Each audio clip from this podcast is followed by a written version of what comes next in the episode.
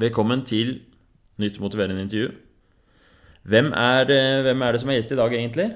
Jo, i dag er det Ivar. Eh, Jeg skal eh, prøve å bli motivert. Ja, Velkommen. Da er du på riktig sted. Ja, takk. Eh, Jeg gleder meg litt, så det er spennende å se om det hva dette er for noe. Ja. Det blir spennende. Kan vi, før vi begynner å gå i gang med det som du eh, ønsker deg, eller tenker at du har lyst til å jobbe med, kan du si litt om hvem du er, og hva, hvordan er en vanlig dag for deg? Jeg jobber i Klasse Olsson i dag, og det jobba der i mange år. Og ja, driver litt med dataspilling på fritida, og ja, er vel litt eh, stillesittende av meg eh, ellers. Kunne godt vært eh, litt mer aktiv. Og ja. Ja, da har du sagt litt. Da vet vi at du jobber i butikk, og at på fritida så er det eh, driver du med data. Jeg vet, jeg spurte deg i stad, du har også en IT-utdannelse fra før. ja. Og du har, em, du har Hvordan er det liksom hverdagen din? Er hvordan er det du bor, og hvordan er det sosiale livet ditt og sånn? Jeg bor aleine, eh, og ellers er jeg litt sånn der eh, ensom person, holdt jeg på å si. Jeg er litt uh, liker meg litt aleine. Du er en ensom ulv. Jeg er litt ensom ulv, kan man si. Uh, men jeg å si, føler meg på å si, Det er jo hyggelig å være sosial innimellom og finne på litt ting sammen med folk. Og er litt aktiv med litt forskjellig arbeid ellers utom jobb. Blant annet uh, litt velforeningsarbeid, faktisk. Og ja, litt idrettsklubbsammenheng uh, Ok. og så. Hva er egentlig en velforening? Er det, jeg, jeg, det eneste gangen jeg har hørt det, er på den derre TV-serien på NRK. Ja, TV Ja, nei, det er ikke fullt så ille.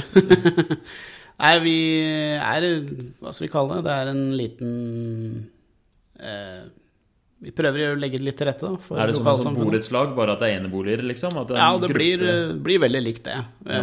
Bare ikke, det er ikke så mye sånne Det er ikke sånne interne klageting og sånne ting. Det er ja. mer eh, samarbeid og prøve å Ja. Arrangere dugnad og treff og Ja, grillkveld og sånn? Ja, det er, det er- mindre dugnad, mer, eh, mer av det hyggelige. okay. ja. Egentlig. ja. Nei, vi driver litt, eh, litt sånn politisk arbeid da, innimellom. Ja. Prøver å påvirke litt og tilpasse litt for oss, så Ja. det ikke det skal være Ja. Så det er en del arrangementer, da. Som Vi arrangerer en del for eh, eh, ja, barna som bor i området rundt, eh, og så videre. Og arrangerer 17. mai, faktisk, eh, for alle i lokalsamfunnet hos oss. Jøss. Eh, Så kult. Så det Ja. Driver og selger pølser og is og Det sånne er så ting. viktig å drive og organisere seg og, og få til sånne gøye ting. Ja, det er, jeg syns det er litt greit. Ja. Ellers har du mm, Du sa du var ensom, men du har venner og Ja da, nei, jeg har venner og masse å finne på på fritida, egentlig. Eh, Det er ikke noe vanskelig å Hvis det er noen som har lyst til å finne på noe, så er det bare å, si, så, så er det bare å strekke ut en hånd, så finner Ja. man fort på noe. Ja, Så det er Men, mer eh, at du er liksom Du har en tendens til å like deg litt på egen hånd og gå Ja. trives i eget selskap? Trives best i eget selskap, kanskje. Eh, Men jeg ja, har ikke noe imot, på en måte, å være sammen med andre. Det er vel mest riktig å si. Det er vel mest det at jeg kanskje i motsetning til ganske mange andre mennesker, i hvert fall som jeg oppfatter, så blir jeg liksom ikke Jeg blir ikke ensom. Jeg kan ikke bli ensom. Ok. Nei, jeg En fantastisk egenskap. Ja, ja kanskje. Uh, så jeg føler liksom ikke på det. Jeg, ja. Rart med det, kanskje. Ja, For det, det syns jeg er spennende. Det, sånn kjenner ikke jeg meg i det hele tatt. Ah, jeg kan være omgitt av folk, og så kan jeg føle meg ensom. Ah, ja. ja ja. Jeg er eh, Jeg tror ingen ville se på meg og tenke det er en ensom altså For jeg har så mye greier på gang og har så masse sosiale ting som jeg driver med hele tiden. Ja. Men eh, det skal ikke mye til før eh, jeg kjenner meg litt sånn der eh, Sippete. Såpass? Ja vel. Ja. Nei, det har jeg aldri opplevd. Altså Verken i sosial sammenheng eller holdt på å si aleine, så har jeg aldri opplevd det. Det er bare um, Ja. Det er merkelig. Det er spennende. Det er kanskje sånn Spennende å høre altså, jeg tenkte, Det første jeg tenkte, var sånn Det må jo være en fantastisk egenskap, for da slipper du mye eh, da slipper du mye liksom unødvendig lidelse, liksom. At det er, Ja. For det er jo kjipt å være ensom. Og ensomhet er jo også en eh, Det er eh, farlig. En stor risikofaktor for Det masse er det. sykdommer. Ja, det er det jo. Eh, Det er, ensomhet er like farlig som å røyke. Er det det? Ja, den der, Nå vet jeg ikke akkurat hva som menes med ensomhet i den sammenhengen, men det er Nei, nei, påstanden nei. jeg har hørt. da Ja, ok, ja. Um, Er det det fører til depresjon og sånn, tenker du da, eller? Ja, men også til fysiske sykdommer. Oh, ja. den derre ensomhetsfølelsen. Den at man sånn Å nei, jeg, jeg, er for alene, og ingen eh, liker meg. Og den derre Ja, ja, sånn, ja. den, um, den eh, gjør et eller annet med kroppen og stressen, hormonene og ja. Ja. Nå, jeg vet ikke helt hvor mye man vet om det, men det er i hvert fall Det forskes på det. Det forskes på, og det er litt sånn opplest og vedtatt at det er i hvert fall ikke noe sunt. Og vi Nei. lever i en verden hvor det også er stadig mer ensomhet. Stadig flere opplever at de er ensomme. Ja, det blir flere og flere av oss, og så er vi mer og mer ensomme. Det er rart. Det er rart. Ja, Det er det. Vi bor tettere og tettere på hverandre òg, og det er likevel. Så. Jeg tror mye av årsaken hos meg er for at jeg jobber veldig mye med masse mennesker rundt meg hele dagen.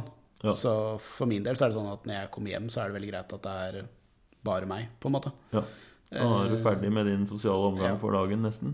Ja, altså må jeg, I jobben så må jeg være veldig um, ja, imøtekommende og veldig sånn for andre mennesker, da. Og det kan være litt eh, Det kan bli litt slitsomt eh, innimellom. Det er jo servicebransjen og Service, salg og ja. sånt noe. Det er jo en måte å forholde seg til mennesker på som ikke alltid er så lett, da. Ja. Følelsene for andre mennesker som på en måte kan ha en dårlig dag og en god dag. Og du får Ja. mye, mye i løpet av en dag da, når du møter på 300-400 mennesker. Er du god til å håndtere sure kunder? Jeg føler at jeg er det, ja. Eh, jobber heldigvis på en, i en på si, Claes Olsson hvor det er veldig lett å jobbe med sure kunder. For vi har en intern policy som er at vi skal ikke krangle. Ja. Eh, så da er det jo på en måte litt tryggere, sånn sett. Eh, lettere å forholde seg til, da. Det er min internpolicy motiverende intervju også. Er det det? ja, det hørtes bra ut. Men det er sjelden jeg har sure kunder her ingen, på showet, da. Ingen som klager. Ja. Skjønner. Nei, men jeg tenkte på den derre ja, Vi må jo komme inn på liksom Men det var veldig spennende å, å, å få en sånn følelse. Nå føler jeg kjenner deg litt bedre, vet litt hvem du er. Mm. Og, mm, og, og hvordan hverdagen er for deg. Men hva er det du har lyst til å motiveres til, da? Ja, altså, vi snakka litt innledningsvis om enten trening og, og eller kosthold. Eh, fordi, ja eh, Så har vi jo gått litt gjennom og tenkt kanskje litt fram og tilbake om skal skal velge én av temaene, eller begge, eller Ja, En for det kombinasjon. er, det er Ja. ganske ofte at noen kommer, og så har vi liksom to to temaer. Ja. to temaer. og Det, for det sa du til meg på forhånd. Og så, mm, da er det to måter Man kan uh, gå tungt inn og velge én. Man kan Ja. snakke litt om begge. Mm. Um, men jeg tenker uansett, hvis man skal gjøre en endring som faktisk skal være litt varig, Ja. så er det uh, Det må vi jo komme til etter at vi har snakka fram og tilbake og utforska masse, liksom funnet motivasjonen, da. Men hvis man har motivasjon til å gjøre en endring, så burde den være eh, så enkel og tydelig og effektfull som mulig. Så da er det ofte bedre å gjøre en endring på enten kosthold eller trening ja. i første omgang, og liksom sikre den og sørge for at liksom, det blir en god opplevelse. ja. Heller enn å si at jeg skal både gjøre det ene og det andre, og så blir det litt sånn kaotisk. Det blir mye på en gang. Ja. Men ofte da, så ser man jo at hvis man begynner å trene, Mm. så følger liksom kostholdet litt etter. Ja, det gjør det. Ja, okay, ja. Eller hvis man begynner å spise sunt, så føles det plutselig lettere å begynne å trene. Og en siste ting er Hvis man får en sånn positiv erfaring med å gjøre en endring, så blir man litt sånn gira av det, og Ja. så er det plutselig lettere å gjøre neste. Ja. ja, nei, eh, hva anbefaler du? Skal vi ta bare, bare trening, da? La oss begynne på én, og så Ja. må vi være det du tenker er Hva er det, hvis du kjenner inni deg, liksom, hva er det du vil ha litt lyst til å ta tak i når du går herfra? Hva har du lyst til skal være nytt? Det viktigste for meg er jo kanskje å ta den treningsdelen av det. Eh, kostholdet er nok ikke så halvgærent allerede, holdt jeg på å si, men alt kan jo være bedre. Men eh, alltid mulighet for forbedring. Men treninga er det som er på en måte den, den som jeg alltid ja, i dag da, er minst motivert til å gjøre noe med, sånn føler jeg, da, i det store og det hele. Det er eh, Ja. Hvordan er eh, treningssituasjonen din nå, da? Eh, det blir med en gåtur i ny og ne. Eh, ja, to ganger i uka, kan man si. En ganske rask og Eller rask i den form av rask gange, da, men uh, en grei lengde. Så Men det er jo ikke nok, føler jeg, da. Ok, du ønsker egentlig mer? Jeg ønsker mer, og jeg ønsker å få mer ut av det. Og ja, særlig da litt Endre litt på kroppen, kanskje. Gå ned noen kilo og, og sånne ting. Ja. Kanskje du si mer om det, og hva, hva du tenker om det? Eh, ja. jeg er jo Jeg er ikke akkurat vel Jeg vet, jeg vet ikke. Jeg er overvektig, men ikke kjempesvær. eh, så det Og så har jeg fått en del eh, på å si, Jeg har jo fått en eh, Ja, hva skal vi kalle det? Vært hos en lege og fått det klart for meg at jeg må, må trene mer og holde kroppen i bedre form. Gå av noen kilo. Jeg har en hjertefeil, kan vi kalle det, eh, som eh, plutselig ble oppdaga nå i fjor. Eh, og da er det jo Da får du litt sjokk da, når den kommer. Ja. Du må kanskje gjøre noe med ting, og så har jeg kanskje ikke klart det, og så leiter jeg litt etter motivasjonen. Ja, nemlig. Så du har egentlig fått Det er en beskjed fra legen som var Ja. ganske tydelig på at um, han mener uh, Det er jo hans mening, da, men han, han har gitt deg råd om å trene mer og gå ned noen kilo. Ja. Og det er med tanke på den hjerte... Hva slags hjertefeil er det? Det er eh, eh, hjerteklaff hvor det er, mangler et seil, heter det. Ja. Eh, så den eh, Ja. Bicuspid aorta, Jaha. er det det? Det kan godt hende. Jeg husker ikke hva det heter. Er det den hoved, øh, hovedutgangen fra hjertet, liksom? Aorta? Ja, stemmer. Aortaklaffen? ja. Og så er det, i sammenheng med det også, så er det utvidelse på den eh, aortaen, altså den hoved... Ja, nemlig. Ja. Så det, mm, det er da Du skal inn til kontroll nå i april, eller ja, når blir det? Etter hvert. En eller annen gang i løpet av dette året, i hvert fall. Tror det var nå snart. Eh, For da har det gått et år. Eh, Og da får jeg vel beskjed om at enten så må de kanskje operere, eller så skal det bare fortsette å overvåkes og ja, og så videre. Så uansett om det skal opereres eller ikke, så er det viktig for deg å være i form til det. Og, og Jeg bør være i bedre form ja. eh, før det skjer. Har du merka noe til det, da? At eh, så noen med sånne hjertefeil får jo eh, At de får tungpustethet og mm, brystsmerter og sånt? Ikke så mye tung... Eller ja, jo, tungpusta. Men jeg har merka på, når jeg skaffa meg en sånn pulsklokke, at jeg kan egentlig ikke få mer enn 120 ca. i puls. Ok. Eh, Det er akkurat som det er en sånn vegg. Eh, Hvis jeg møter den veggen, så eh, Ja, jeg vet ikke. Det bare slår ikke fortere. Det slår ikke fortere. Og Nei. du kan løpe så fort du klarer, liksom. Ja, jeg blir veldig, veldig veldig, veldig andpusten og klarer ikke å løpe, og så slår ikke hjertet fortere. Ja. Og det er veldig rart, syns jeg, da. Jeg vet ikke om det stemmer, om det er ja. ja, det er Kanskje jeg ikke har pusha meg hardt nok. eller- Det høres ut som du har pusha deg hardt nok når du ikke klarer å løpe lenger, liksom. Så, um, Det bare møter en vegg der også. skal se, hvor gammel er du? Jeg er 39. 39. Så hvis man er 40 år, da, så vil en vanlig makspuls man, man regner det ut sånn så vidt jeg husker, så er det 210 minus alderen sin. Så det er sånn grovt regna, så er det ca. det som er normal makspuls for den alderen. Ja. Så når man er 40 år, eller 39 da, som du er, så er det ca. rundt 170. ja. Kan ikke noen nå ble jeg plutselig usikker, kan ikke noen korrigere om det er feil om det er 220 eller 210 minus alder? Jeg tror det er 210. Anyways, det er bare en liten detalj. Så i hvert fall eh, Så en normal makspuls for deg vil være 170. Og så hvis den da for deg er 120, så er jo det et tegn på at um, om det er pga. hjerteklaffen eh, Sannsynligvis eh, kanskje pga. det, men det er et tegn på litt sånn formen din, da. ja, det er det Jeg tror det er, står litt dårligere til, kanskje, enn ja. Som, Eller jeg vet ikke. Du Ja, som- du som jeg, jeg tenker det at det er um, Det er i hvert fall noe som hadde vært interessant å følge med på. La oss si du hadde hatt en periode eh, over litt lengre tid hvor du, hvor du trente litt målretta, så kunne det godt tenkes at den bevegde seg litt. da Ja. At du plutselig fikk en raskere Ja, fordi Ja, at du kunne fått økt den eh, på en sunn måte, da. Når, Mm. når man er eh, Ja. Er du, siden du er liksom Du ja, har jo drevet med IT og er jo, virker jo som en sånn derre litt sånn eh, Før vi starta intervjuet, så snakka Ja. vi om røde og blå og gule personer fordi du hadde vært på et foredrag. Det stemmer. Ja. Så du er kanskje en litt sånn rasjonell type, og sånn derre eh, tallfesta mål Ja, er kanskje er- noe som du Jeg er det. Og jeg Ja. Jeg henger meg opp i sånne, sånne ting, eh, føler jeg. Så du har lyst på høyere makspuls, egentlig? Egentlig, men også det, det jeg også vil ha, er lavere si normalpuls, eller hvilepuls. Ja. Eh, Den klokka, holdt si den smartklokka, den eh, sjokkerte meg litt, for den viser meg at jeg lå på rundt gjennomsnittlig 90 til 100 I hvilepuls? i hvilepuls.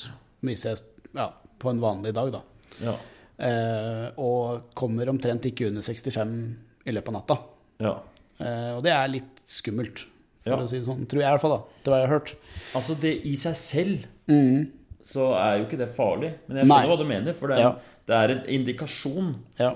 på formen hvor mye man kan si ut ifra det. Altså fordi eh, noen har Altså, vi er forskjellige, så for noen så er det Jeg også har ikke så veldig lav hvilepuls. Nei, akkurat. Eh, jeg har ofte hvilepuls på mellom 70 og 80. Mm. Men jeg er i Altså, det, jeg, jeg er ikke noe bekymra for det for min egen del. Nei. nei. Eh, men, men eh, Så det kan hende at det er en indikasjon på formen. Når, når, men du har Altså, du sier jo at du har noen kilo ekstra. Ja. Og så har du en relativt sånn aktiv jobb, da. Jeg ser for meg at på Claes Olsson at det er ikke så stillesittende.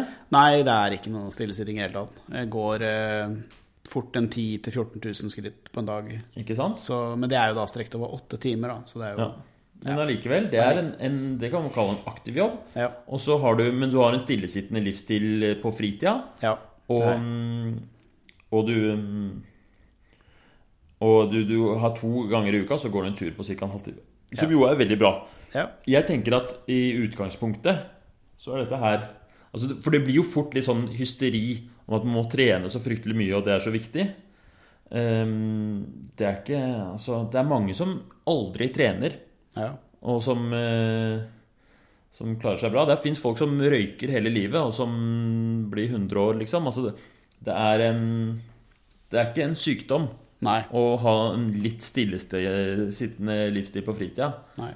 Men um, du har noen sånne faktorer som både du har fått beskjed om av legen at dette er en god grunn til å være litt sånn ekstra god form, Ja. og du har um, og du har noen sånne indikatorer som, som med da makspulsen og hvilepulsen som tyder på at eh, at eh, her kan det i hvert fall være mye å hente. da Kanskje ja. det er litt mer å hente for deg enn for mange andre. ja, det tror jeg. Mm. Men eh, eh, ingenting av det du har sagt, i, tenk, gjør at jeg tenker sånn Her er det krise, liksom. Nei, men eh, det som er litt rart, da, eh, som jeg på å si, glemte å nevne i stad Jeg blei jo også for ikke så lenge siden Hva skal jeg kalle det? Diagnosert? Nei, tilbudt. Jeg har søvnapne. Ja. Ja, så jeg fikk en sånn CPAP-maskin. Eh, og den har jeg nettopp begynt å bruke. Eh, den har faktisk senka gjennomsnittspulsen med 10-20. Jøss. Bare den maskinen. Det syns jeg er litt rart. Det er, eh, det er veldig interessant at du sier. Ja, For de som ikke veit det, søvnapné er en tilstand som er forholdsvis vanlig, overraskende vanlig. ja, Ofte forbundet med eh, snorking, men trenger ikke ha med snorking å gjøre. Men det som skjer, er at når du sover, så klapper eh, på en måte pusterøret, eller i hvert fall musklene i svelget, litt sammen. Og du får pustestopp. Du stopper å puste. Ofte så er det sånn at kjæresten oppdager det. Du slutter jo å puste. ja. Og så så våkner man til. Men man merker nok ikke noe til det som regel på natta, men mange kan oppleve at de er slitne på dagen og, og sånt noe.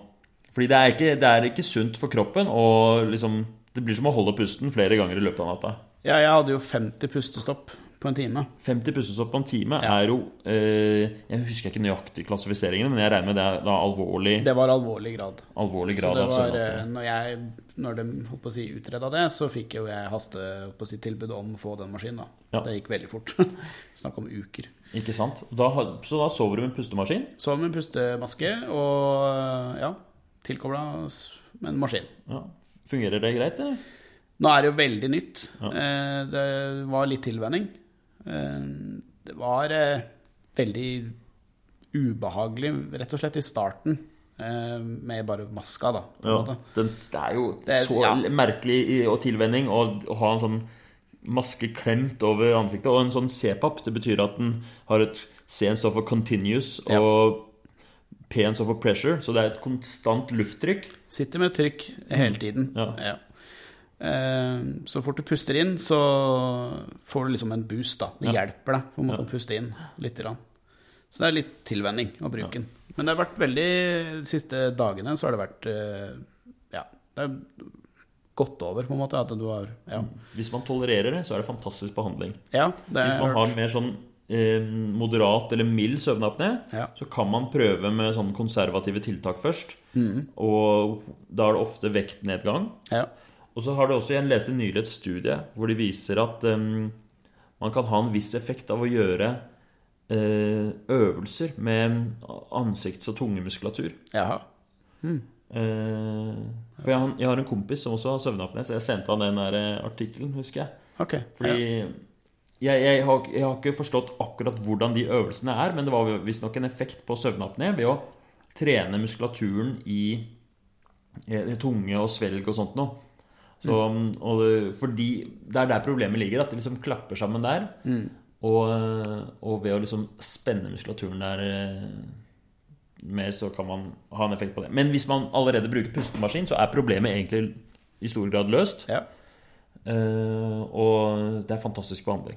Ja, jeg hørte jo på å si mye positivt om det, jeg også, når jeg var hos uh, de på, på, på sykehuset, og de sa det at dette her kan hjelpe. Det kan hende det ikke hjelper så mye, men de forklarte liksom det kan, ha, det kan hjelpe på blodtrykk, det kan hjelpe på vekt generelt, det kan hjelpe på puls og uthvilthet og mange forskjellige ting. Og det første par dagene, men det var sikkert bare fordi det var uvant, så var det motsatt effekt. Ja. Eh, Det var mindre uthvilt og trøtt og egentlig litt mer gretten. Ja. Merka jeg sjøl, da. Men eh, siste uka så har jeg egentlig vært eh, ja, mer klar i hodet, faktisk, til og med. Og det ja, Så kult. behagelig. Ja, det høres veldig bra ut. Det er Jeg tror det kan gjelde for mange. La oss si du har sånn der, eh, Har litt overvekt, men så har du litt manglende motivasjon, og du har litt eh, Du klarer ikke å få i gang trening og sånt, og så kan det jo være en sånn søvnapné i bunn som gir deg generelt litt lavere funksjonsnivå gjennom hele dagen, liksom. Og som gjør det så mye vanskeligere å gå ned i vekt òg. Ja, jeg tror det kan ha en faktor der, ja. Ok, jeg forventer at det her det, det, dette, var, dette var interessant, det var kult. Ok, men da har du, for å oppsummere Ja. Du har lyst til å komme i gang med trening, Ja. og det er mange grunner til det. Legen har sagt det.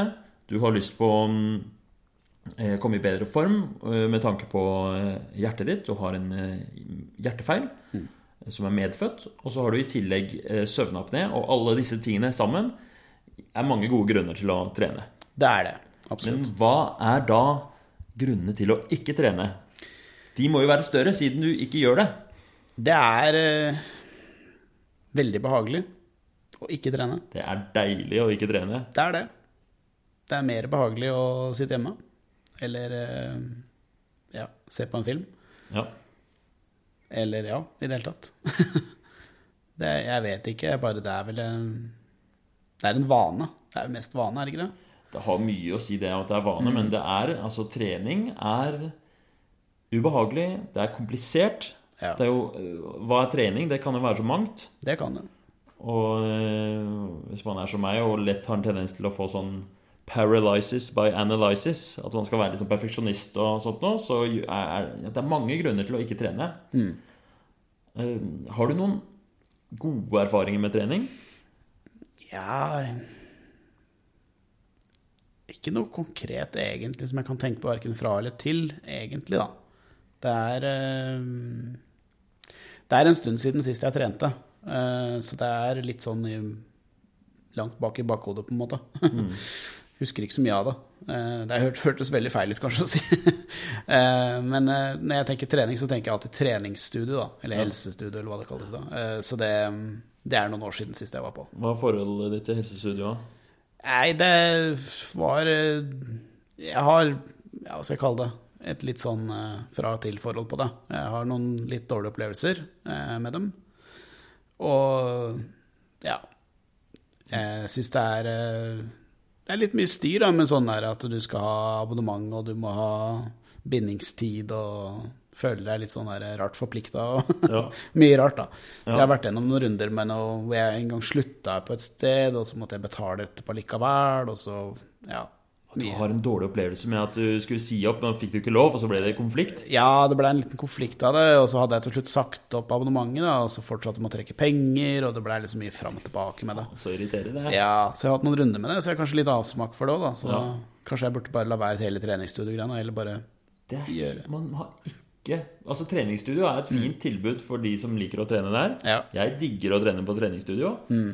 Uh, men det er 100 unødvendig hvis man har andre måter Altså, man, ikke, no, ikke noe krav at Nei. trening skal være på treningsstudio. Nei, det må jo ikke være det. Man kan jo på si løfte, løfte på ting hjemme, eller bevege seg ute. Man kan løfte på ting hjemme, man kan Ja. bevege seg ute. Man kan Gjøre bevegelser, holdt på å si gjøre Ja, og det fins mange former for trening. trening. Greit. Før vi går i gang med Altså, la oss bare oppsummere. liksom Hovedpoenget med et motiverende intervju er å finne ambivalensen.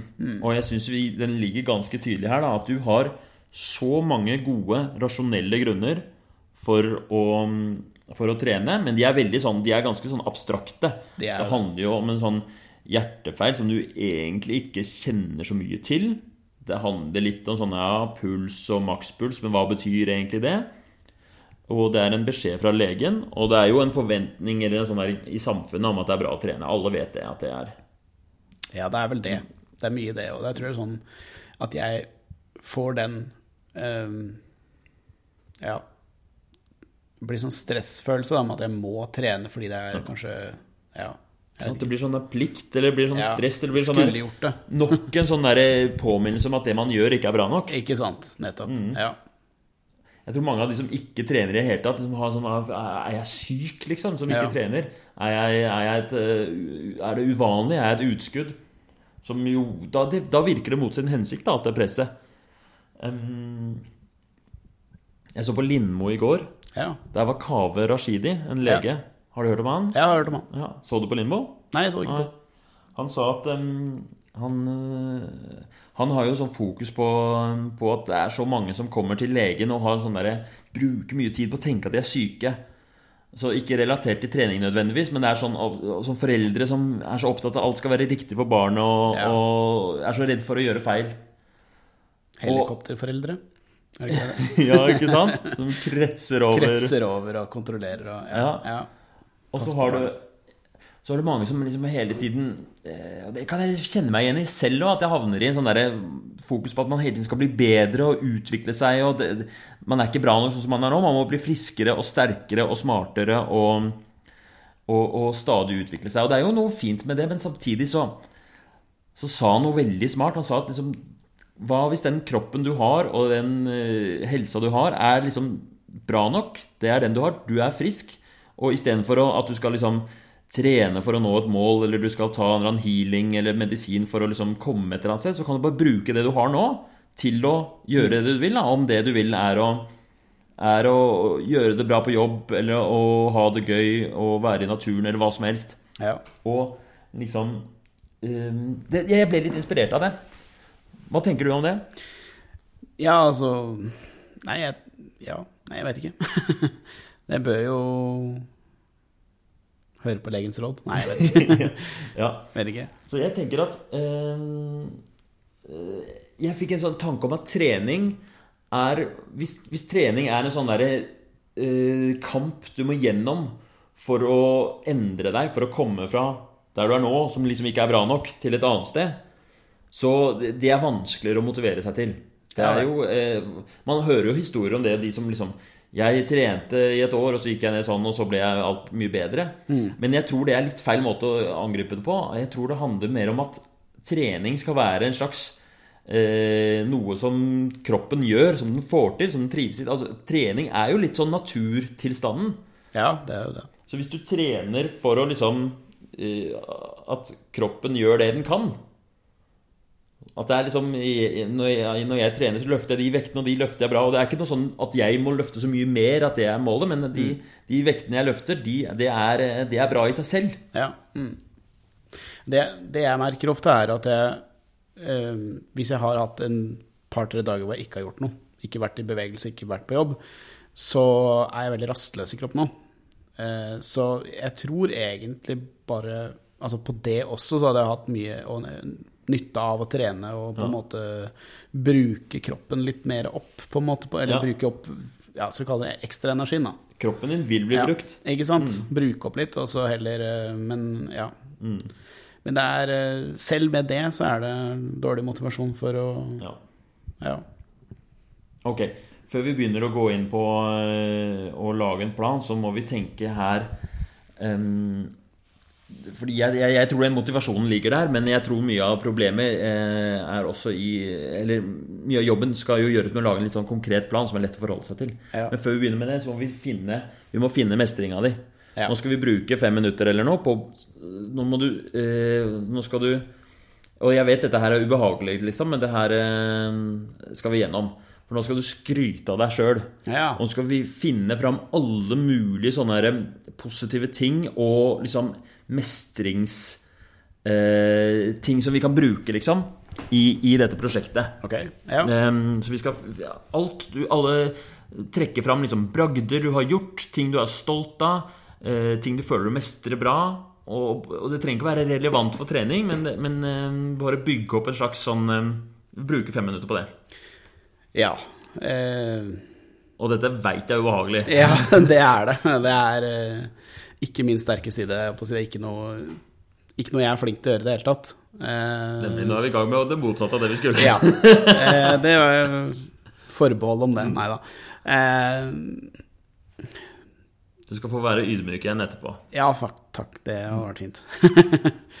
jeg vet ikke om det er Det er ikke så veldig mange ting jeg ser på som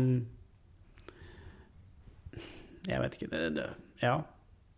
Det er vel den at jeg er i velforening, da, som vi snakka om i stad. Jobbe litt eh, med det. Eh, Det er jo Syns jeg er eh, Ja. Det er jo bra. Det er ikke alle som gjør det, mener jeg. Som engasjerer seg på noe de ikke må gjøre. Strengt tatt. Frivillig er engasjement. Ja, frivillig, jo. Ja, fri, det er nettopp det der. Det er frivillig, frivillighetsarbeid, heter det vel, teknisk sett. Ja. Så det, det føler jeg at jeg er ganske flink til å hjelpe til, eller gjøre ting utover å bare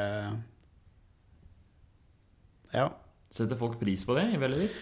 Ja, det får jeg høre og få inntrykk av det. I ganske stor grad. Så da Ja. Hva andre ting? Hva ville liksom eh, familien din eh, sagt om deg som, som har trukket fram som eh, bra ting? Jeg er vel en person som ofte sier ja til ting. Eh, hvis noen spør om de kan, kan Kan jeg hjelpe deg med det, eller kan jeg gjøre det? Mm. Så ja.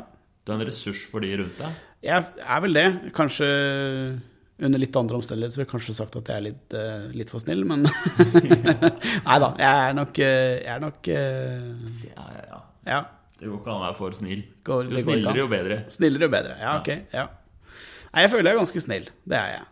Eh, liker å holde på med ting sammen med andre mennesker. Eh, ja. Som ikke nødvendigvis kommer meg til gode, da. Ja, Hvis det kan ja, høres riktig ut. det høres bra ut. ja. Så det, det er, altså, det her er jo de grunnleggende viktigste tingene. Mm. For altså Vi er mennesker her på jordkloden i en begrensa antall tid. Og noen mennesker de går gjennom livet og, og lever for seg sjøl og, og får det liksom ikke helt til. Og, og liksom, mens, mens andre mennesker er, de, de er jo mange, da, men å, liksom, å kunne være en ressurs for andre og samarbeide med andre og, og, og delta i liksom, det samfunnet sammen, liksom, det er jo det viktigste. Det er jo det som er så fett med mennesker. Det er jo Ja, at vi samarbeider, samarbeider, og at vi Ja. hjelper hverandre. Jeg var jo så vidt litt politisk engasjert også. Det holdt på å si gikk fort over. Nei da. Eh, det, ja, det har ikke blitt så mye av det, da. Jeg er fortsatt medlem teknisk sett i et parti, men eh, ja. Det var kanskje ikke helt Det er ikke noe, det er ikke noe der jeg egentlig tenker på som noe stort, da. Men eh, Da har du en erfaring, i hvert fall. Du det er en erfaring. erfaring. og- Det er en erfaring, det er klart. Det er klart. Ja. Så det er vel litt typisk meg også å gjøre sånne ting, da. Ja. Ja. Og jeg tenker, en, en, en ting som eh, er jo forholdsvis modig, og er at du har kommet hit, da. Kjørt hele veien fra, fra Vestfold, Horten. Horten, Ja. Til, eh, til Oslo for å delta på motiverende intervju, for å ta liksom et tak både du, og, og brette ut personlige ting også på, for uh, lytterne. Det Ja. setter både lytterne pris på, og det tror jeg er en veldig sånn lur ting for deg sjøl òg, Mm. Kanskje det. Vi får se. Vi får se. Ja. Ok. Um, det som um, Nå har vi snakka om fordeler og ulemper med å, med å trene, men la oss bare eh, For jeg merker at du fortsatt den der ambivalensen sitter igjen. Er det liksom noen sånne der, eh, ting med treninga som du ikke føler er blitt anerkjent, eller noe som liksom Hva er det mest motiverende for deg? Hvor viktig er det? Det er jo viktig, men jeg Ja, jeg vet ikke, egentlig. Hva blir konsekvensene hvis du går herfra og ikke kommer i gang med treninga? Hvordan blir de neste 20 årene for deg da? Det blir mye av det samme, tenker jeg. Forhåpentligvis. Uh, ja. Det er vel egentlig det jeg kan si. Jeg vet jo ikke sikkert. Jeg vet jo ingen. Det vet man ikke. Nei. Men hva er det legen har sagt, da? Legen har ikke sagt noe sånt noe konkret, hvis du tenker på Han har ikke laget noen sånn projeksjon av hvis du, hvis du er på status quo? Det har ikke skjedd. Det er ikke noe sånt noe. Det er ikke noe, det er ikke noe dom. Det er det ikke. Men jeg har jo skjønt det litt, da. Kanskje at det Ja, det kan skje ting. Ja, Ja. Men det kan jo skje med alle uansett. det kan skje med alle. Ja. Men en, eh, hvis jeg får være litt sånn rett fram og direkte ja. Så dersom du ikke gjør en endring blir det, ikke, er det, ikke, det er vel ikke helt unaturlig å tenke at eh, da er det en hjerteoperasjon på et eller annet tidspunkt? Det kan eh, godt hende. Ja. Det kan medføre Hvis man skal sette inn sånn eh, en eh, klaff av noe slag, så kan det medføre eh, livslang medisinbehandling. ja. Og eh, Så det aller beste er å klare å unngå den hjerteoperasjonen, selvfølgelig. Selvfølgelig. Mm. Eh, Der blir vil ikke være lettere for deg om 20 år å gå ned i vekt enn det er nå. Sannsynligvis vil du gå opp i vekt Mest sannsynligvis, ja. hvis du ikke gjør noen endring. Og eh, sånn med Altså naturlig så faller jo energinivået litt og sånn med alderen, så hvis du ikke har eh, liksom trening som en sånn energiboost i hverdagen, så vil du sannsynligvis ha mindre overskudd og sånt nå om 20 år. ja. Og hvis man ikke trener, så øker også sjansen for f.eks. angst og depresjon. Og selv om du virker ikke som typen til å ha så høy risikofaktor for det, så er det i hvert fall er, eh, Det er sånn eh, fremtiden kan se ut. Mm, ja, ja. Syns du det er jeg overdramatisk nå, eller svartmaler jeg det nå, eller hva tenker du? Nei, jeg, jeg vet ikke, for å si det rett ut. Jeg vet ikke, kjenner ikke nok til det. Jeg har kanskje ikke blitt nok eh, skremt på den tanken ennå. Jeg blir jo litt betenkt nå, da, når du sier det, men Ja. Jeg, men skal motivasjonen komme derfra, da, tenker du, eller bør, bør det komme fra det indre? Eller noe annet?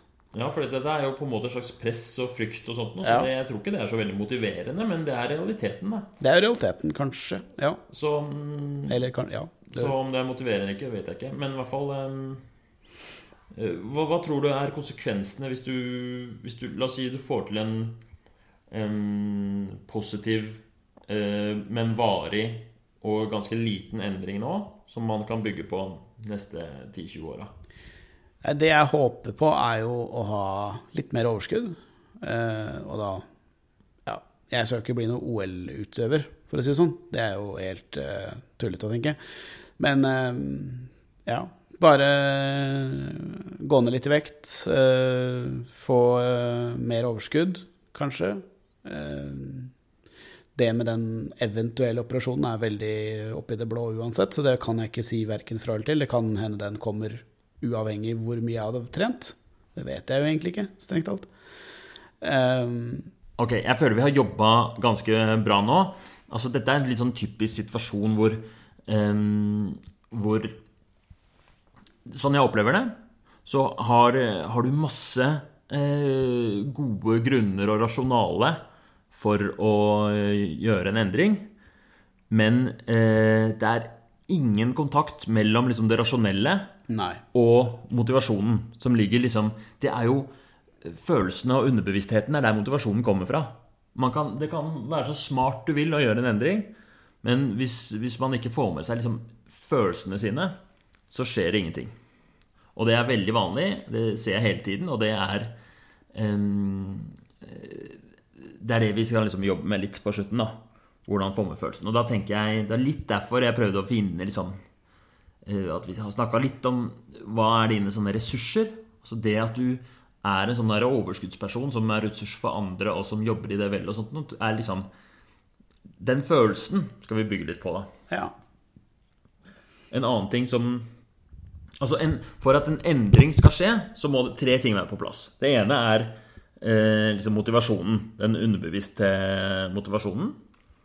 Eh, den andre tingen som må være på plass, er selve eh, planen, på en måte. At det er en enkel, gjennomførbar plan.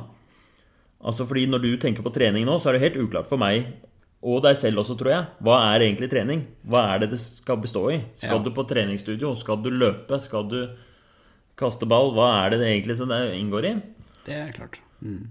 Så vi må ha en helt sånn konkret, tydelig plan. Og så må vi ha litt sånn motivasjon. Den, er, den motivasjonen er der. Det er bare at uh, du merker den ikke før du kommer i gang. Nei, ok. Nei. Så det har jeg bestemt meg for. Og så nummer, um, nummer, tre, det er um, liksom de strukturelle omstendighetene rundt. Eh, eksempel på det er en som har lyst til å slutte å røyke. Han kan ha en fin plan og være kjempemotivert, men hvis han har masse sigaretter i leiligheten, så blir det vanskeligere. Ja. Hvis du skal begynne å trene, hvis du har, hvis du har en personlig trener f.eks., det har, det har, ikke noe med planen å gjøre, det har ikke noe med, med, med, motivasjonen å gjøre. Men fordi omstendighetene er sånn at han ringer deg da og da, og hvis du ikke møter opp, så får du kjeft, liksom, mm. så blir det lettere. Det, ja, kan jeg tenke meg. Eh, så det er liksom de, vi, de to Nå har vi jobba mye med motivasjonsbiten. Ja. Og, men nå skal vi legge en konkret, enkel, gjennomførbar eh, plan. Og så skal vi se om det er noe vi kan gjøre med omstendighetene. Så eh, hva Og dette her, er, dette her, er, din jobb. Eh, jeg kan komme med forslag og sånt, men, eh, men dette må være, liksom, det må være din plan. Eh, hva, hva, er liksom en, en, en, oppnåelig trening for deg som du har lyst til å gjøre? Eh, jeg bør Ja, da kommer det ordet. Eh, jeg har lyst til å trene to til tre ganger i uka. Eh, jeg har ikke lyst til å begynne med det helt sånn på en gang. Mm. Det som er litt rart med at jeg har jo, jeg, si, jeg har jo vært på trening før, men, og da har jeg gjort det, den feilen at jeg bare hopper oppi det, og så blir det to-tre ganger i uka, og så går det en stund, og så kommer det et eller annet i veien, og så er det ikke to-tre ganger i uka lenger. Mm. Så er det én gang i uka, og så er det null dager i uka, og så er det gått plutselig et år ja. siden sist. Ja. Eh, og det er vel sikkert det som er ganske vanlig òg. Eh, så det jeg gjerne vil ha, er Jeg trenger å finne en slags sånn Å gjøre om behovet for å ikke trene, gjøre det om til å føle at jeg må bevege meg, på en måte. Ja. Mer egen Ikke fordi at det er dårlig samvittighet eller går og tenker på noe som er sånn Sånn som det med hjertegreiene eller noe sånt, men mer sånn bare fordi at jeg, nå har jeg lyst til å gjøre det. Mm. Det er det jeg trenger. En Programmere det inn i liksom, det inn. Ja. ja. inn i nesten i underbevisstheten, i liksom vanen. Vanen. Ja. Mm. Vi må få på plass vanen. Få på plass vanen og få inn den rutinen. Få inn rutinen. Ja. Åh, det her er musikk i mine ører. Det er helt, jeg er helt med på det. Så det du sier, er at det viktigste, særlig nå i starten, det er ikke nødvendigvis treningseffekten. Nei, det er det ikke. Eh, Vi må få inn rutinen. Få inn rutinen først, tror jeg. Ja. Jeg har hørt noen historier, jeg vet ikke om det er sanne, men hvis man skal bli sushikokk, så skulle man jo tro at man lærte seg å skjære fisk og lage sushi. Men det første året på sushikokkskolen i Japan, så det eneste du får lov til å gjøre, er å vaske kasserollene. Jaha. Ok. År to, da får du lov å røre risen. Men Ja. det er det eneste du får gjøre, å koke ris. Du får ikke se en fisk før tredje året på sushikokkskolen. Og den derre at man blir holdt tilbake Ja. Istedenfor at man må liksom levere så mye med en gang. Skal gjøre alt, ja. Mm. Ja. Den, eh, det er veldig lurt, ikke sant? for da sitter de og, og lærer seg. De får inn rutiner og møter opp hver dag og vasker kasserollene og blir hardtarbeidende og sånt noe. Men de har hele tiden den derre ah, 'La meg få fisken snart'. Ja, det vil være Ja, mm, jeg skjønner. Mm. Så der må vi sette deg òg. Ja. Du, Det, du, du får ikke fisken ennå. nei. Vi må starte med en sånn kasserolleplan. Begynne nederst. Så, så jeg tror at det å sette i gang en rutine Og vi starter så enkelt som mulig. Når du sier to til tre ganger i uka, så syns jeg at vi skal starte på to ganger i uka. Sånn at det er helt klokkeklart. Ja. Og hva er det som skal gjøres da? De to ganger i uka. Hva, hva er det som markerer at du har gjort en treningsøkt? Og det må være helt klokkeklart. Jeg har jo alltid tenkt før at jeg må bli sliten. Mm -hmm. det er vel kanskje det som gjør at man stopper òg. At man blir for sliten av det. Og så blir det en brems etter hvert. Man tenker at nei, trening er bare at man er sliten. Ja, Og det Ja. det er, det er dritviktig. Du har alltid tenkt at for at det skal være trening, skal du være, bli sliten. ja. Du skal egentlig ha det ubehagelig. Skal, ja, ikke Du er ikke ferdig skal før det er trist. Nei, det skal være ubehagelig. Akkurat det er det. Mm. Og det er kanskje litt feil. Det er litt riktig. Det er feil. Ja. Det er eh, så mange som skal komme i gang med trening, brenner seg på det. Nyttårsforsett. Og så er man ekstra toppmotivert og tenker 'nå skjer det'. Og så går man altfor hardt ut, og så blir man sliten. Og det man da signaliserer til underbevisstheten, er at dette her er ubehagelig. Neste gang du trener, så kommer du til å få et helvete. Ja. Dørstokkmila bare vokser og vokser og vokser. Så holder man det gående i 21 dager eller 30 dager, eller jeg husker ikke hvilken dato hvor nyttårsforsettene ryker, liksom. Og så, Er det en dato for det? så stopper det. Ja, det er noe sånn statistisk sett så er det 21. januar. Da er det de fleste nyttårsforsettene ryker, liksom. Akkurat. Så den eh, må vi helt bort fra. Du skal ikke bli sliten. Du får ikke lov å bli sliten første året på sushiskolen. Nei, ok. Nei. Slitenhet er din fisk. Det er min fisk. Så eh, vi må ha en annen markør som sier at dette er en gjennomført treningsøkt. Ja. Nei, Jeg bare tenker kanskje jeg skulle satt noen veldig konkrete øvelser, da, altså bare gjort de, men mm. ja. Uten å bli sliten, da. Hva er eh, øvelsene du tenker for deg? Eh, det veit jeg egentlig ikke. Jeg tenkte kanskje å få noen tips fra deg. Ja, jeg har tips, jeg. Ja. Eh, Pushups. Pushups, ja. Fantastisk øvelse. Trene armer og bryst. Eh, Det er jo core for Ja. menn. ja. Å ha eh, og, liksom brystmusklene, det er de de bruker for å dytte ting vekk. Og, og det er liksom eh, Det er det viktigste for å Det er så viktig, det. Man må kunne dytte ting vekk og trekke ting til seg. Det handler om å være mann i sitt eget liv og velge hva som skal omgi seg. Så pushups er, em, er en fantastisk øvelse. Og um, så sa jeg trekke til ting seg. Så um, det kan man gjøre enten på, en, på et treningsstudio, men man kan også gjøre det hjemme hvis man har et eller annet som er litt tungt. Løfte på sofaen. Ja, ikke sant? En sånn der, litt sånn markløftøvelse. Ja. Eller man kan også sånn stående roing. Skjønner du hva jeg mener? Stående roing. Man, jeg, kan, jeg viser deg nå. Man står i sånn knekk, ikke sant? og så løfter man noe opp der. Ja. For da trener man hele ryggen, egentlig. Ja. Og også litt sånn stabilisering og sånt noe. ja. Så mm, med noen manualer Jeg, jeg skriver stående roing, jeg. Stående roing. Ja. Roing. Og så den siste øvelsen.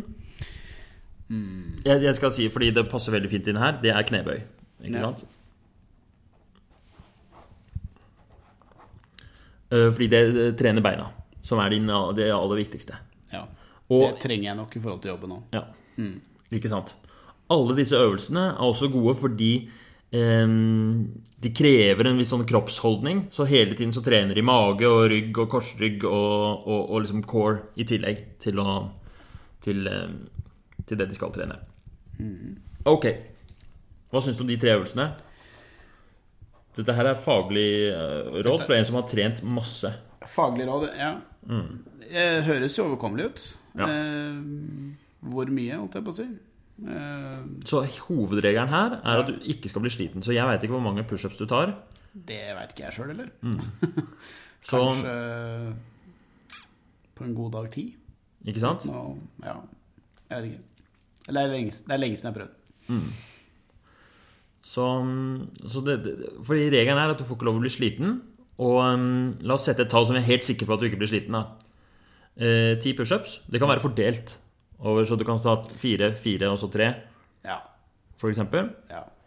Bare for å gjøre det helt enkelt. Ti stående roing og ti knebøy.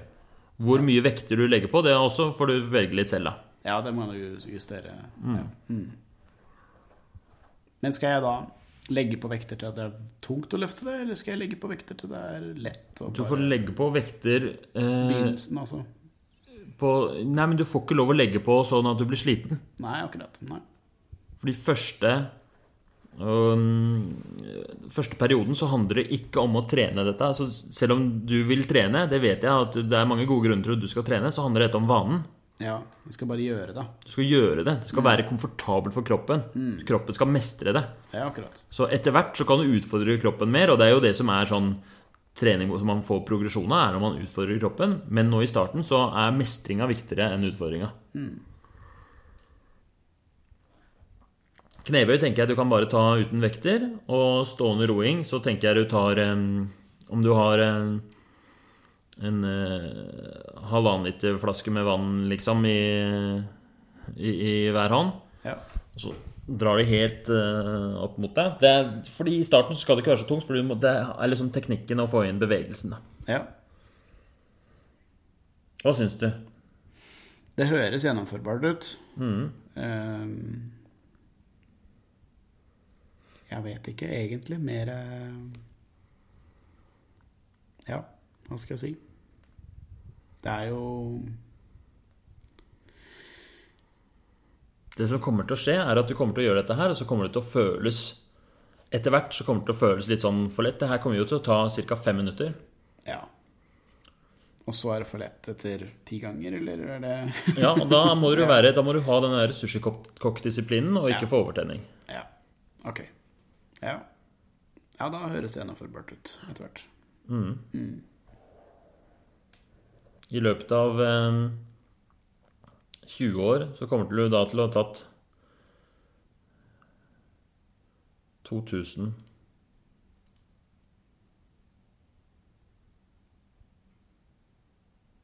av hver av de? Nei, 20 000 Ja, av hver av de. i hvert fall. Ja. Minst. Det tror jeg kroppen din kommer til å merke. ja. En kropp som har tatt 20 000 knebøy, den, eh, den, har, eh, den har et helt annet utgangspunkt enn den som har tatt null. Ok, Så motivasjonen den har vi jo snakket mye om. Men nå til slutt Nå har, vi, nå har du et konkret treningsregime. ja. Um, det må være tidsbegrensa òg. Det må være um, Det må være det må, det må være sånn et antall uker, så skal du gjøre dette to ganger i uka. Um, så hvor mange uker tenker du er grei start? Jeg veit ikke. Um, Jeg tenker sånn tre uker eller noe sånt. tre, ja. Ja. ja. Tre til, ja. Jeg tenkte kanskje fire, men ja. Du tenkte fire? Ja. Gå for fire, da. ja fire. Ok. Fire uker. Klarer du det her i fire uker? Det håper jeg. Det blir spennende å se. Det blir spennende å se. Fordi nå skal vi gå inn på den siste biten, som er de, sånn de omstendighetene rundt. Ehm, hva er det du kan gjøre for å sikre at Fordi motivasjonen Sånn som det er nå, så virker du ganske motivert til å gjøre dette her. Det er overkommelig, ikke sant? Det er innenfor komfortsonen. og det blir noe nytt og spennende. Dette kan gjøres hjemme eller hvor som helst. Kan også gjøres på treningsstudio, men det velger du selv. Har du forresten tenkt noe på det? Jeg tenkte på det nå i stad, eh, egentlig, fordi jeg tror jeg blir mer motivert av å dra ut av huset og trene. Ja. Så jeg tror nok jeg kanskje bør gjøre det. ja. Uh, ja. Og da kan jeg også gjøre litt andre ting, kanskje òg. Jeg føler at jeg trenger å kanskje trene litt mer på kondisjonstrening også. ja men det er, eh, det er eh, kondisjonstrening er fisk. Ja, det var det, da. Ja, Så du, kanskje du ikke trenger å vente tre Kanskje år, jeg men, men eh, kanskje jeg skal bare gjøre det. Ja. Mm. du får ikke lov å gjøre noe kondisjonstrening. Da må du gjøre det isteden. Altså, det skal være én endring. Det er, for okay. å huske, det her handler Begynne. ikke om, om å få inn noe effekt. Det her handler om å få inn en vane. ja. Du skal Ja. Men på treningsstudio, da, syns, da, da konkretiserer vi det. Mm. Har du medlemskap? Nei, ikke i dag. Så første steg er å, å egentlig å melde deg inn. Det blir det da. Hva andre ting er det som kan eh, på en måte mm, gjøre det rett Altså hvilke omstendigheter? Jeg kan komme med noen eksempler. For eksempel så har jeg eh, Jeg har en treningskamerat. Ja. Vi møtes en gang i uka, så planlegger vi når vi skal trene. Vi har noen sånne faste tider, men pga. jobb og sånt, så må vi gjøre det ganske ofte. Og når vi da sitter ned og bruker et kvarter på å planlegge, så er det mye vanskeligere å droppe den økta. ja. Det er ett eksempel. Et annet eksempel er på andre i forbindelse med andre ting. Eh, Jeg har problemer med at jeg bruker mobilen for mye, så jeg har lagt inn sånne sperringer ja. som gjør at jeg ikke kan gå inn på den og den appen mellom den og det tidspunktet. Eh, Det er et eksempel på en sånn omstendighet som Jeg jeg trenger ikke å ha noen plan, jeg trenger ikke å ha noen motivasjon. Jeg kommer meg ikke inn på Instagram før klokka ti på kvelden, liksom. Nei, akkurat. Nei, skjønner. Og det funker veldig bra for meg. Okay. En annen eh, omstendighet som man kan eh, Eller ting som man kan gjøre, er at eh, hvis man kjøper seg nye treningsklær, så er det automatisk motivasjon. Ja, ok. Kaste litt penger på problemet. Det hjelper alltid. Ja. Em, en eh, tredje ting sånn for treningsmotivasjon er man kan Man kunne eh, abonnert på en eller annen treningspodkast eller noe sånt noe. Jeg veit du liker å høre på podkast. ja, det gjør jeg. Høre på podkasten din eh, motiverende intervju med Ikke sant? Um, Når man trener. Ja. en, eh, en annen ting er Når jeg bare ramser opp mange, så skal du slippe til etterpå med hva du tenker. Jeg har noen ganger gjort sånn avtale med kompiser. En gang eh, da jeg skulle slutte å eh, festrøyke for lenge siden, det var da jeg var sånn 19 eller noe sånt nå, så sa jeg til en kompis at eh, hvis jeg tar én røyk, så skal jeg betale deg 5000 kroner. Oi. Ja. Og da slutta jeg. Det var ikke noe problem. Nei, det var jo greit. I hvert fall en god stund. Det endte faktisk med at jeg i et svakt øyeblikk eh, tok meg en sigg, og så sendte jeg han 5000 kroner. Du gjorde det. dyre, ja, for idiotisk. Det er den dyreste sigaretten eh, Ja, ja. det vet du. Ja. Så, men, eh, men i mange andre sammenhenger så mm, Og det funka jo ganske lenge også. ja. Så jeg var, jeg var, så, jeg var, eh, jeg var veldig full. Altså, god forklaring på det. Jeg skjønner, skjønner. skjønner. Men skjønner du? Så du kan Det er ingenting som hindrer deg i å si til en kompis hvis jeg ikke gjennomfører denne planen her, Ja, så får du 10 000 kroner av meg. jeg kan gjøre det. Og da er det jo umulig at det ikke skjer. Ja, det bør være det, da. Og det koster øh, sånn Ja. Med mindre du har, er så stinn av gryn at 10 000 ikke betyr noe for deg. Men skjønner du hva jeg mener? At det er mange ting man kan gjøre, og vi trenger ikke å gjøre alt. Men hva tenker du? Hva er liksom, hvordan kan vi bare få noen omstendigheter på plass som gjør det lettere å sikre suksessen her nå? Jeg, jeg tror kanskje jeg blir mer eh, av Det jeg kjenner sjøl, da, er at jeg oftest er motivert hvis jeg har en slags forpliktelse på det. Ja. Eh, Så det er nok kanskje det smarteste å si f.eks. til eh, noen i familien at jeg skal trene så og så mye eller så og så ofte, eller begynne å trene ja. osv. Og så rapportere der hvordan det går, da. Det kan jo være en god løsning, ja. tror jeg. Fortelle om den helt konkrete planen Ja.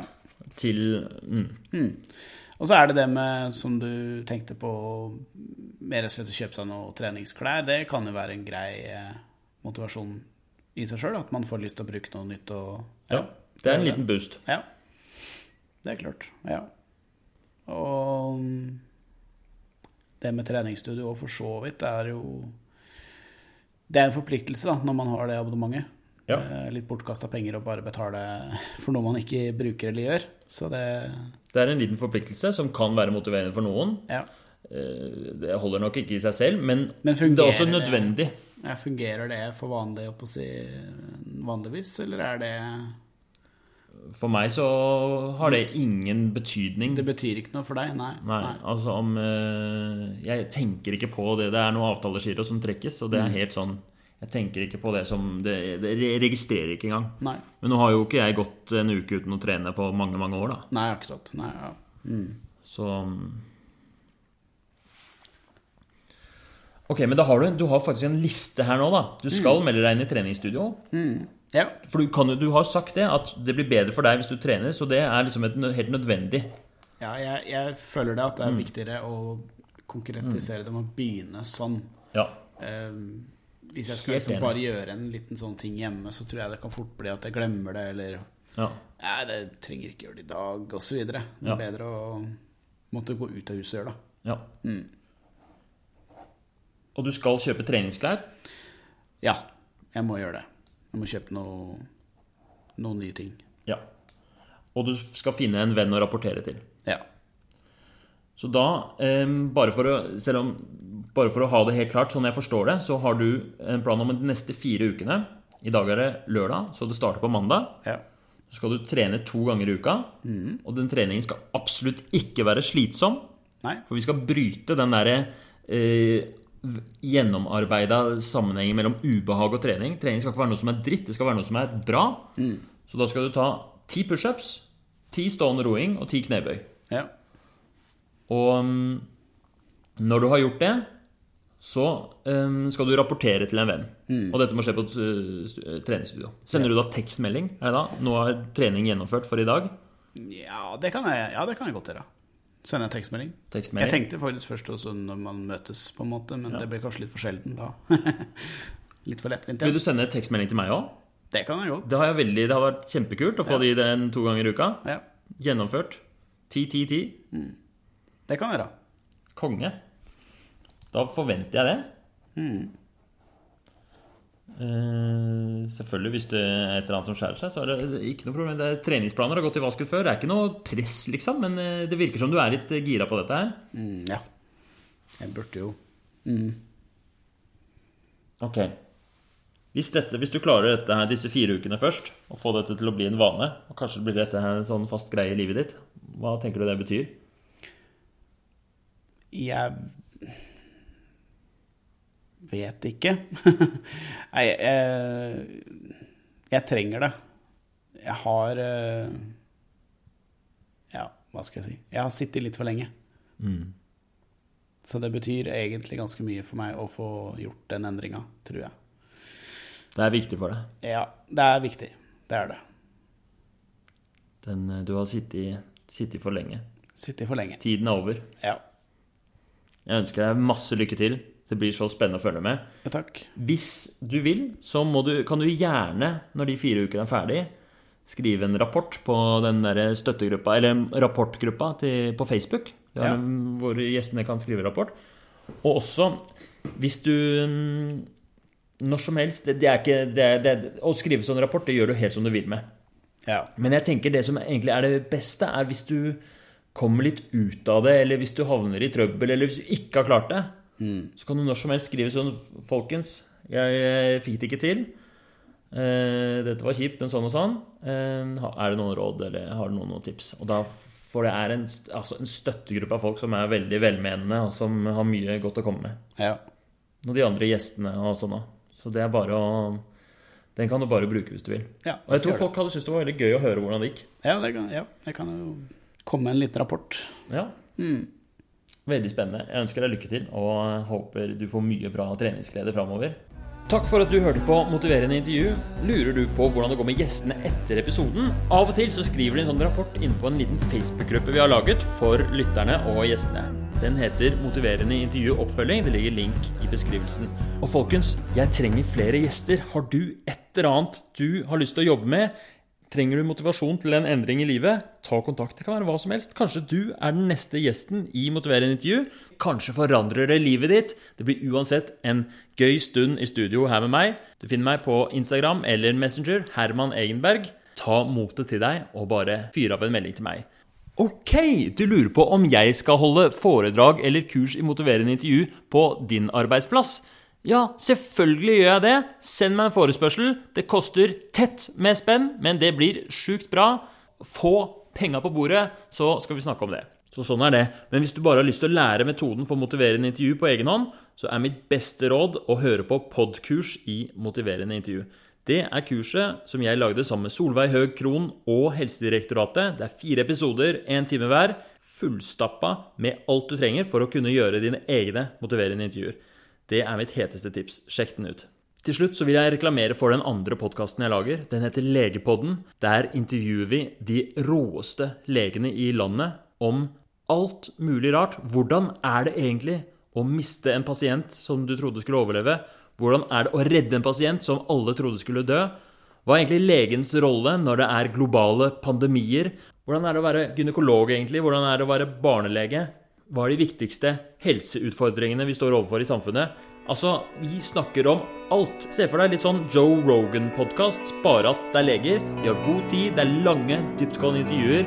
Jeg er skikkelig stolt av den podkasten. Den bør du sjekke ut. Ok, det var alt. Hvis du likte episoden, så er du hjertelig velkommen til å like, dele, skrive review. Gjør akkurat hva du vil.